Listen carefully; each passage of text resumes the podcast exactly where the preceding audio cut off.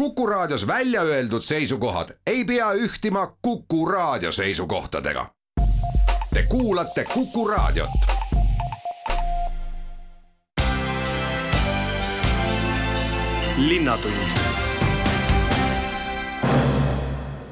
tere, täna anname esmalt sõna politseiprefekt Vallo Koppelile, kellel just üks ametiaeg lõpeb ja teine läheb kohe käima. millised on politseijuhi tähelepanekud, tõdemused ja ka nõuanded nendele inimestele, kes näiteks dokumente taotlevad või muul viisil politseiga suhtlevad? Pärast läheb sõnajärg juba Variku koolijuhile Peeter Kikasele ja tema Treffneri kolleegile Ott Ajaveerule, et äh, anda ülevaade sellest, äh, kuidas käib praegusel koroona ajal koolielu ning äh, lõpetame dirigent Lauri Preedega ja võtame jutuks pühapäevase kontserdi lootus ja ka kahekümnenda augusti ettevalmistamise.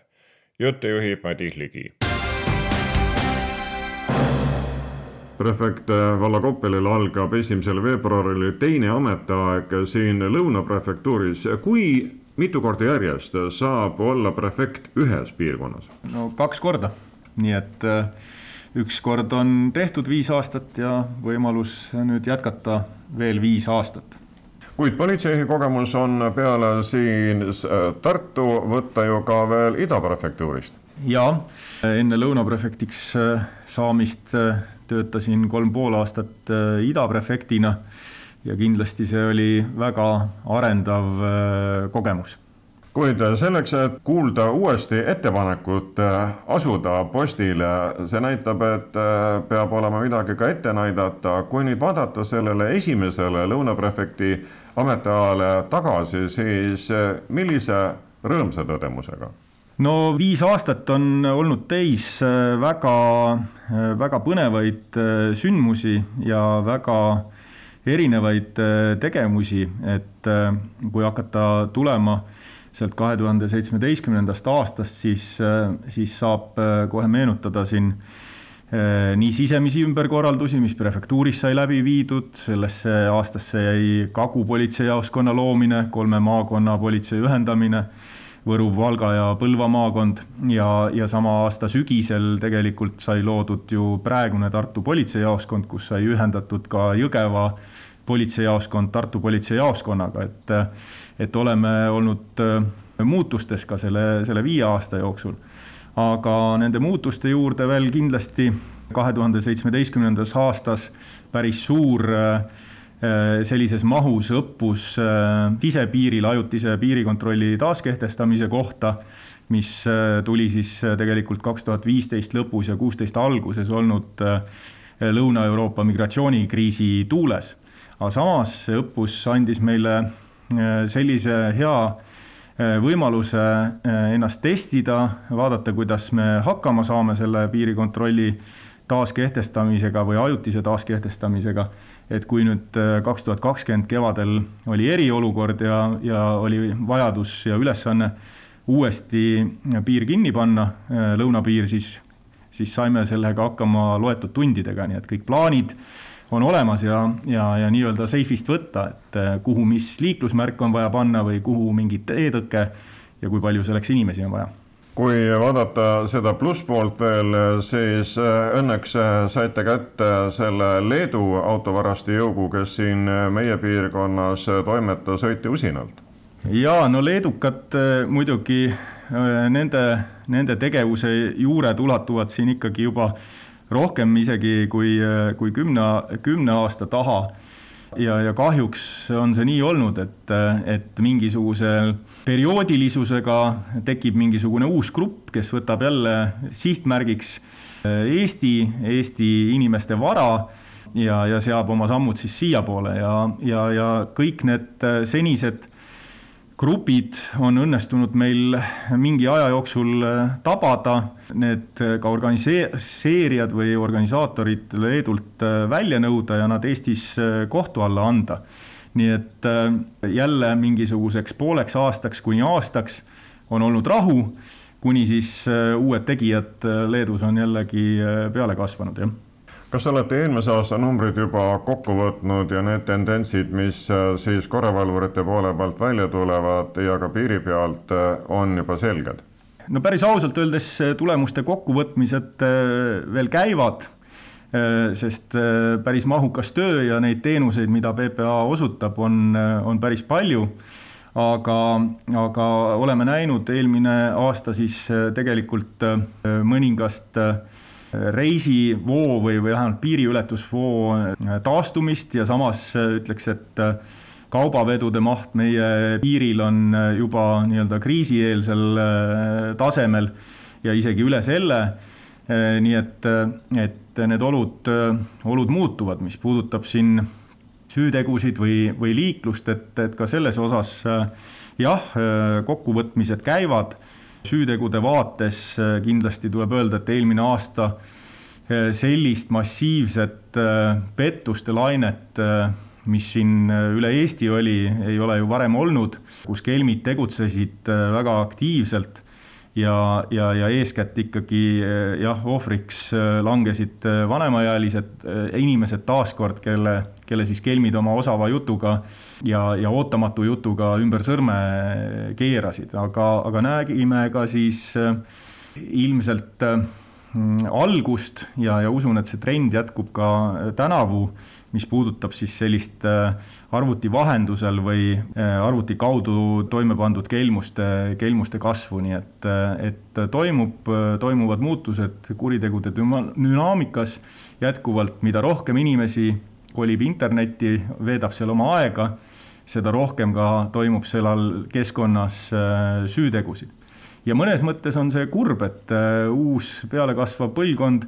et ega neid äh, väga palju majade ümber jooksmas ja mängimas ju ei näe enam, nii et, et, et sealt, sealt tulenevad omad ohud. prefektuuri poolt saab öelda, et oleme jällegi ka selle, selle muutusega kaasa minemas ja, ja, ja meil on juba äh, Äh, Tartu politseijaoskonnas ja Viljandi jaoskonnas äh, tööl äh, veebipolitseinik, kelle ülesanne on siis hoida sidet konkreetse piirkonna veebikogukondadega, sest järjest enam tekib ka selliseid internetikeskkonnas väiksemaid gruppe, kes suhtlevad seal omavahel, ajavad kohalikku asja ja nii edasi, kellel tekib ka muresid ja ja probleeme ja, ja kellele on ka vaja nõu ja jõuga abiks olla. ja mitte, et äh, kagupolitsei jaoskonda seda ei tuleks, lihtsalt me ei ole veel jõudnud seda värbamist äh, lõpule viia, nii et Võru, Valga, Põlvamaa osas äh, ka kolmas veebipolitseinik saab,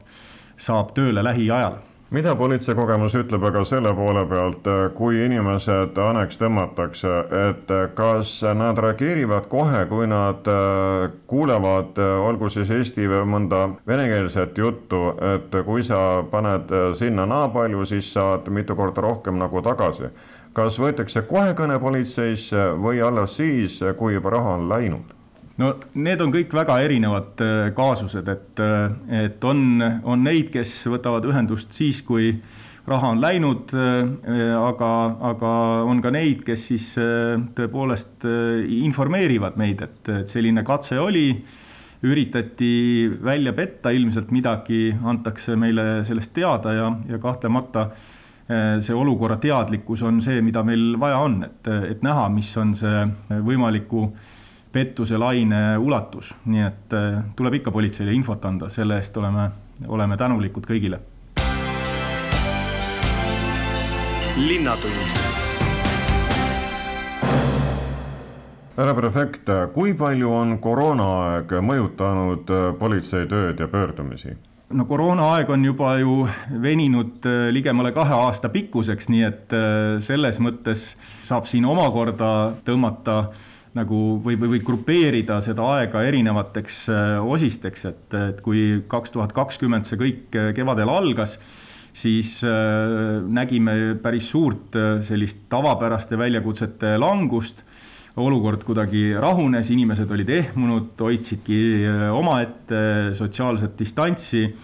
samas tuli teha palju sellist ennetustööd, olla väljas,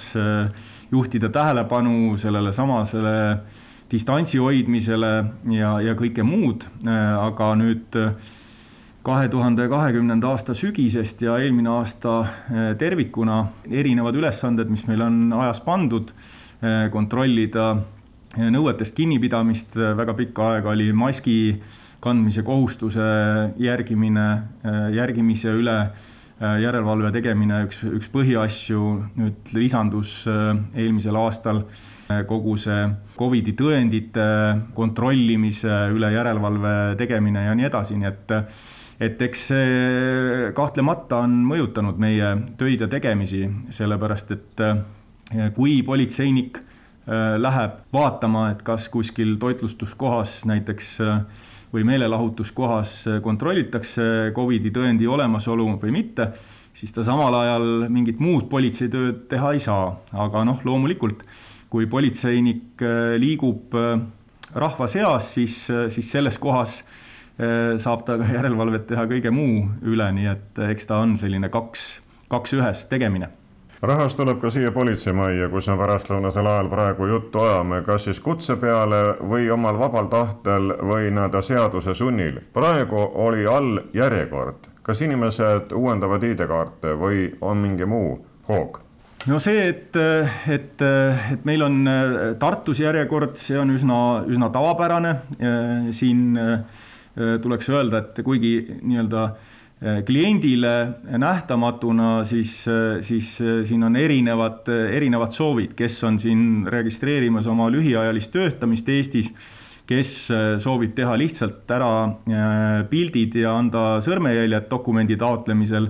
kes soovib, et seda taotlust ka ise siin teeninduses sisse anda ja kes on tulnud siis oma dokumentidele järele või siis üldse oma mingisugust relvadega seotud toimingut tegema, nii et väga erinevate soovidega kliente on meil äh, siin majas ja lisaks veel loomulikult äh, tavapärased äh, uurija juures käimised, ülekuulamised ja, ja nii edasi, nii et rahvast on meil majas päris palju. Ja, ja ka teistes majades sel aastal, sest teenindused on meil väiksemates maakondades nüüd avatud kolmel päeval nädalas teenindamiseks, otseseks teenindamiseks, äh, dokumentide väljastamiseks. aga äh, dokumendi fotosid ja, ja sõrmejälgi saab, äh, saab anda igal päeval, igal tööpäeval hommikul üheksast õhtul kella viieni. ja siinkohal ongi oluline see, et, et me tõstaksime enda teadlikkust selles osas, et järjekorras seismine ei ole vältimatu tegevus tasub äh, kõigil, kellel on olemas nutiseade, saab vaadata äh, oma telefonist tegelikult, kui pikk on järjekord ühes või teises teeninduses, mitu inimest seal järjekorras seisab, ootab ja, ja teha siis selle otsuse, et kas see hetk on äh, mõistlik tulla ka sinna järjekorra otsa või valida mõni teine päev natukene vaiksem aeg kohale tulemiseks. ja ka kohale tulemisega on siis see lugu, et kui on näha, et ootab äh, mitukümmend inimest äh, näiteks äh, mingisugust teenust, siis saab kohale tulla selle nutitelefoni juhatuse kohaselt ju siis, kui näed, et järjekord on juba lühenenud ja oled järjekorras jäänud seal näiteks kümnendaks või, või, või kaheksandaks, et, et mitte samas jälle maha magada seda hetke, kui sinu number ette manatakse. veel julgustan inimesi kasutama e-taotluskeskkonda, sellepärast et seal dokumendi taotlemine on on äh, ka viis eurot odavam ja võin rääkida selle loo, et äh, suvel käisin ka teeninduses all ise vaatamas, kuidas seal olukord on. seisis seal fotoboksi kõrval mul üks tuttav äh, mees, küsin, et mis sa siin teed. no tulin ID-kaarti taotlema, küsisin, et no aga, aga miks sa siis, miks sa siis ei taotle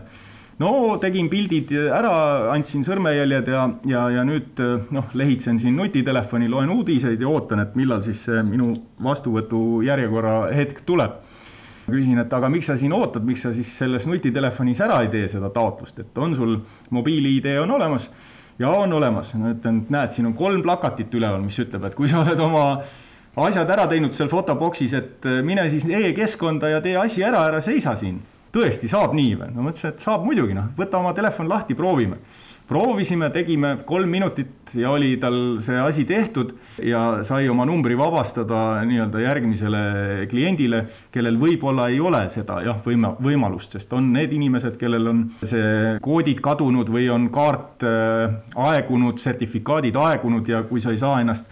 e-keskkonnast identifitseerida, siis tõepoolest ei ole muud võimalust, kui siia meie, meie teenindusse tulla kuna ma olen ikkagi Politsei- ja Piirivalveametis siin Lõuna prefektuuris, siis lähemegi siit Tartust siis piiri peale kas see, mis on Leedu-Poola piiril, see surve või ka siis lätlastel olnud, kas see annab kuidagi tunda ka selles piirkonnas, mis on teie valvata ja hallata? no teeme praktiliselt igapäevaselt oma Schengeni kompensatsioonimeetme patrulle ja kontrolle. linnatund kaks järgmist intervjuud käsitlevad teemat koroona Tartu koolides ja esmalt võtan juttu üles Variku koolijuhi Peeter Kikasega. kui palju teil haigeid on? praegu ei taha midagi hõisata, aga, aga meie olukord on praegu üldiselt normaalne, et äh, tänase päeva testimisega tuli välja kaks tükki, esmaspäevase testimisega oli üks ja ka on siis kaks õpetajat, nii üks esmaspäeval, teine siis täna ja üks õpetaja on gripis, nii et, et praegu on seis ikkagi võrreldes siin võib-olla teiste koolidega ikka väga hea. seega lapsed käivad koolis? Lapsed käivad kõik koolis, vahepeal on olnud esimene B, teine B, kolmas B on mõne päeva pidanud kodus isolatsioonis olema, aga, aga nüüdseks on kõik naasnud praeguseks kooli. kuidas teil testimine on korraldatud, kas see käib koolimajas või teeb igaüks kodus? meil käib testimine koolimajas kaks korda nädalas, esmaspäeval ja kolmapäeval ja oleme arva, oleme sellel arvamusel, et, et me ei kahtlusta mitte seda nii väga, et, et lapsed kodus petavad või, või, või nad pigem on see, et, et me näeme, mismoodi need lapsed siia kooli hommikul jõuavad, mõni võib-olla veel magab, on kohe voodist välja karanud, ta on isegi söömata, ta ei nii et noh, on lihtsam teha koolis ja, ja, ja tulemused on, on, on, on kindlasti ka need siis, mida me, mida me saame kohe teada. nii et äh, süsteem on juba paika loksunud äh, ja sellega ollakse harjunud? Äh, süsteem on väga hästi paika loksunud ja, ja kui oligi, kui see testimist hakati, testimisest hakati rääkima, see oli siis oktoobri koolivaheajal ja, ja pandi ette, siis oli ju väga palju äh, ka ajakirjanduses ja, ja koolijuhid, äh, ajakirjanduses juttu sellest ja oli palju koolijuhte, kes ütlesid, mis jama see nüüd on ja kuidas me seda ikka teeme ja noh, nüüd on vastupidi, et, et nüüd me oleme kõik sellega nii väga ära harjunud, et, et kui seda nagu ei ole, siis, siis me ei tunne ennast enam nii kindlalt. Teiste jagub, varu on? varu ei ole. loodame selle, selle, selle hulgaga, mis meil on, et loodame välja tulla, vahepeal on meid aidanud Tartu linn, aga aga me oleme enam-vähem hakkama saanud, et ma olen küll siin, on ka teised ajakirjandusväljaanded küsinud ja kuidas on, siis ma, me oleme ikka kogu aeg piiri peal olnud, aga sellel hetkel, kui see piir on jälle vastu tulnud, me oleme jällegi uued saanud, nii et, et varu ei ole, aga, aga, aga peaksime välja tulema. Mis meelt on peale laste siis ka lastevanemad, kuidas see suhtlus koolil nendega läheb? ütleme niimoodi, et väga aktiivset suhtlust enam ei olegi olnud, kõik on nagu selle omaks võtnud, kõik on nagu ära harjunud ja neid, kes ei soovi testida, ausalt öeldes, ega ma enam ei teagi, et palju neid nüüd võiks olla, et neid alguses ikka oli, aga aga noh, oli ka selliseid juhuseid, kus vanem ütles, et tema last nagu ei tohiks testida, aga laps ütles, et tema testib ja, ja kõik, noh, ega me midagi teha ei ole, nii et, et praegu on äh, meie koolis on küll äh, lastevanematega on väga hästi, nad on ka, me oleme kõik nagu ühes, ühes paadis või ühel pool, nii et, et ei, ei ole sellega seoses eriarvamusi väga. No sa ise paraku oled koroona läbi põdenud, kas on jälge ka, annab kuidagi veel tunda või enam mitte? mina pean küll õnneks ütlema, et, et ma olen sellest täielikult taastunud ja, ja mingisuguseid järele ega kõrvalnähtusid ei ole tekkinud ja olen üritanud siin ikka ennast füüsiliselt vormis hoida ja, ja võin öelda, et, et see on täielikult nagu taastunud. saad teha sporti vana spordimehena ja võhm ei ole kadunud kuhugi? Ei ole, tundub, et tuli tagasi kõik, jah. kuid äh, koolimaja ei ole mitte üksnes selleks, et äh, seal käiks õppetöö ja huvitegevus, äh, Varikul on ka võimla, kus siis käivad teised harjutamas. kuidas see on praegu sätitud? No see on niimoodi sätitud, et, et mingisugused teatud piirangud on, aga nii palju, kui me seal käime ja ise kasutame, siis, siis üldiselt ega neid piiranguid tähele ei pane, nii et, et, et praegu toimub nagu kõik kasutamine normaalselt, et pigem, pigem ütleks, et seal ei pane tähele mingeid piiranguid. võimla ei ole lukus, vaid ikkagi ja. trennid toimuvad? aktiivses kasutuses.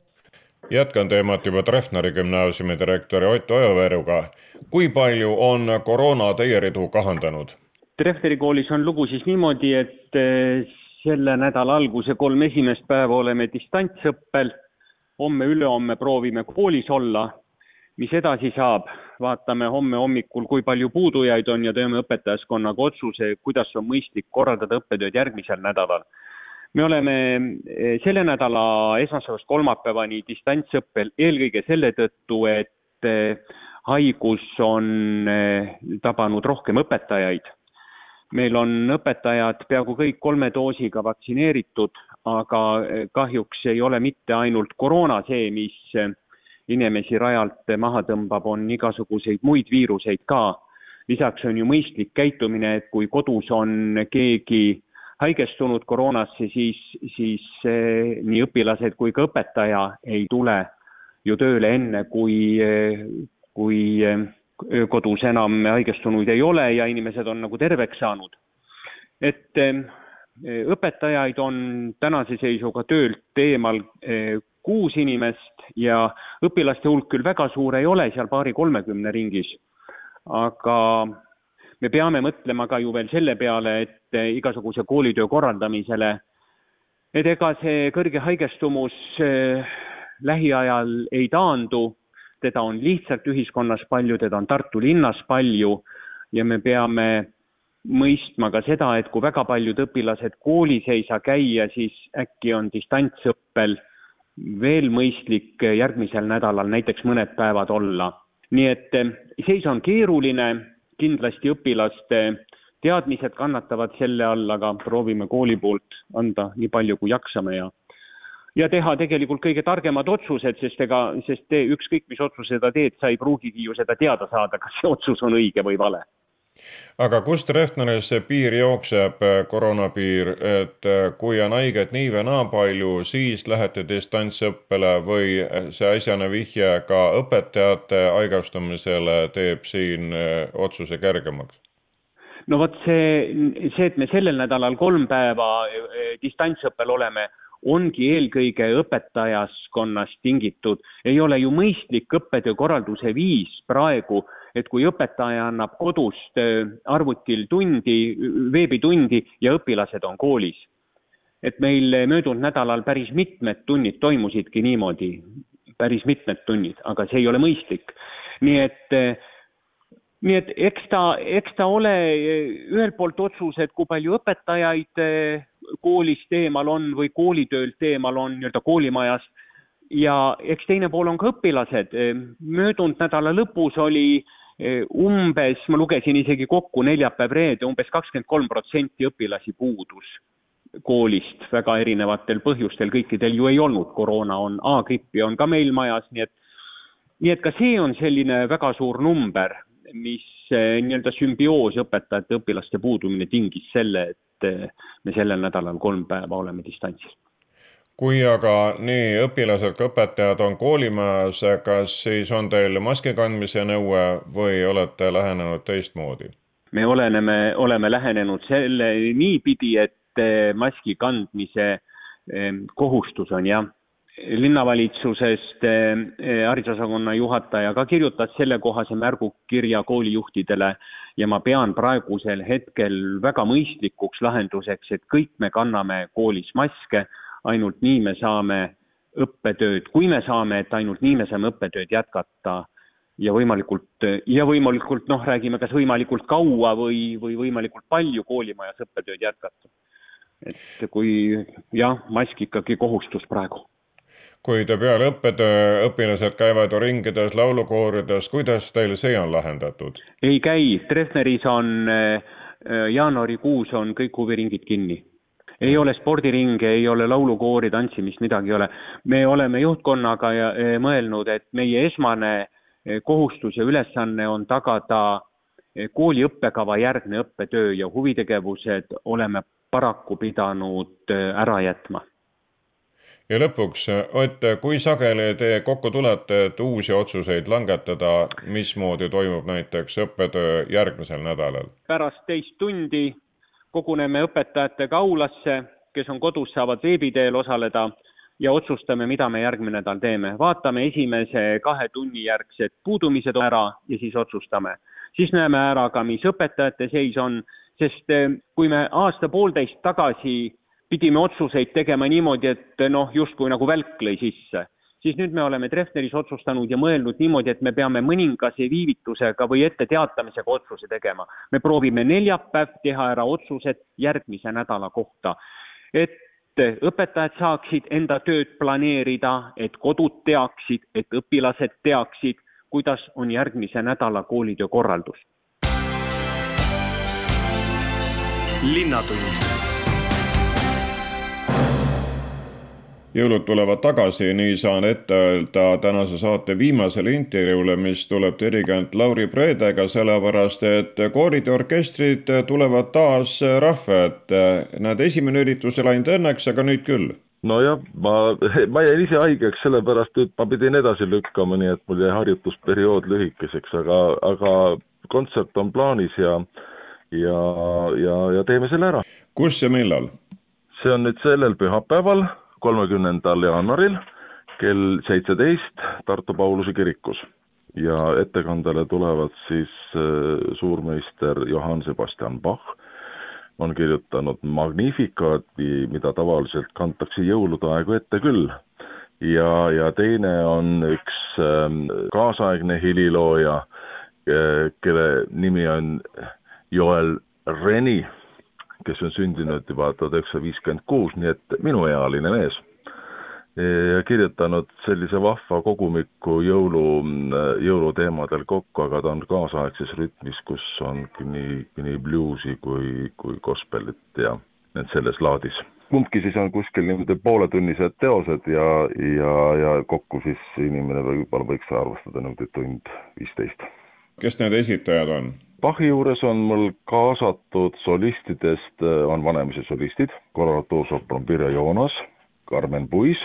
kontratenor Ivo Posti, tenor Rasmus Kull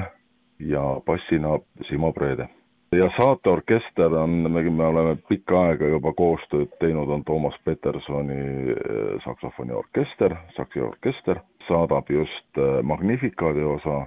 ja, ja siis äh, Reni teos läheb Big Bandi saatel. koorid on need, kes tulevad, on, äh, esitavad äh, Bachi, on Tartu Rahvaülikooli segakoor, segakoor Tarbatu ja Eesti Maaülikooli meeskoor Kaudeamus. ja, ja seda Hope'i siis hakkab esitama Tartu Rahvaülikooli kammerkoor ja kakskümmend kaks. nii et äh, kõik oma koorid äh, oled sa nüüd koondanud ja tood siis uuesti meile jõulumeeleolu? nojah, äh, tavaliselt ma sellist ühisüritust tahan teha, sellepärast et noh, iga kooriga eraldi tehes kontserti, lihtsalt aega on vähe, see päevi ei ole nii palju tavaliselt jõulude aegu, et, et saaks iga, iga kooriga teha, siis ma olen ühendanud. et kõik saavad ühise kontserdi ja, ja, ja, ja saab midagi suuremat ette võtta sellepärast on ka see, see teema selliselt ning see praegune aeg võimaldab siis Pauluses ka ennast natukene ohutumalt tunda kui kusagil väikeses saalis, sest kirikus on ruumi õhku ning äh, saab nautida muusikat ja hoolitseda oma tervise eest. jah, see Pauluse kirik selles mõttes on ta väga tänuväärne koht, on, äh, saal on ju väga suur Äh, ja õhku on palju ja praegusel hetkel ju me peame ju kõik hoidma ju vahet. Ega see ei ole naljaasi, mis hetkel toimumas on, aga, aga vot hing ihaldab ju ka midagi ja sellepärast ongi see, need laulud ja, ja asjad ongi ju, mis annavad hingele kosutust eks lauljad ja muusikud taha ka jah rahva ette tulla. kuidas te olete harjutanud nüüd koroona ajal, kas ikkagi teete kooriproove nagu muiste või kasutate Zoomi või mõnda muud keskkonda? vot jah, et ma eelmisel hooajal kasutasin palju Zoomi keskkonda ja, ja see nagu ütles mulle ära, et osad lauljad, kes kadusidki ära, ütlesid, et nad tulevad siis tagasi, kui saab otse laulda ja on tegelikult on see, see on nagu ühe otsa pilet. ühtepidi kuuleb, teistpidi teine ei kuule ja, ja, ja tegelikult oled ikkagi üksinda seal selle arvuti taga. Dirigendina ei saa ma kuulda ka tagasi, et kui, kui hästi seal lauljal läheb teisel pool ekraani, sest et noh, lihtsalt heli, heli ei saa levida niimoodi, et edasi-tagasi, et, et see asi kokku klapiks. aga jah, ma olen teinud proove koos ja alguses sai, kui teost õppima hakkasin, siis ma tegin eraldi häälerühma partiidega tööd ja, ja ma laulsin ka partiid neile sisse, et nad iseseisvalt saaksid harjutada ja, ja väga paljud on seda ka kasutanud. nii et nagu proov on läinud äh, rohkem niisuguse asja ette. et noh, nii ja naapidi, eks ole, kuidas need asjad, asjad arenevad. ja, ja viimased proovid muidugi, kui keegi on ennast terviselt kehvasti tundnud, see on jäänud hetkeks kõrvale ja, ja tuleb jälle tagasi ja nii see elu käib niisiis, pühapäeva õhtul kell viis on Pauluses Tartu kooride ning orkestrite jõulukontsert, mis siis õigel ajal ära jäi. nüüd on teine katse ja kindel otsus. ja nüüd... ei no on, on küll, ega, ega mul on omal kodus ka kuusk välja viimata, sest minu jaoks jõulud ei ole veel lõppenud kuid Lauri Preede, kui vaadata nüüd natukene kaugemale, sa oled küll olnud kahekümnenda augusti kontserdi vedaja ja muudegi ettevõtmiste puhul, kas julgevad muusikud ja dirigendid praegu ikkagi pikki plaane ka teha, sest iga asi tahab ju seadmiste ettevalmistamist või on ses osas natukene äraootav seisukoht? ei ole, töö käib. selles mõttes on, et see kahekümnenda augusti kava on valmis saanud ja, ja noot läheb trükki nii et, et see siin kava otsimisega läks võib-olla natukene pikemalt kui tavaliselt ja et need kokkulepped sünniksid solistidega, selles mõttes on, praegu on need plaanid valmis.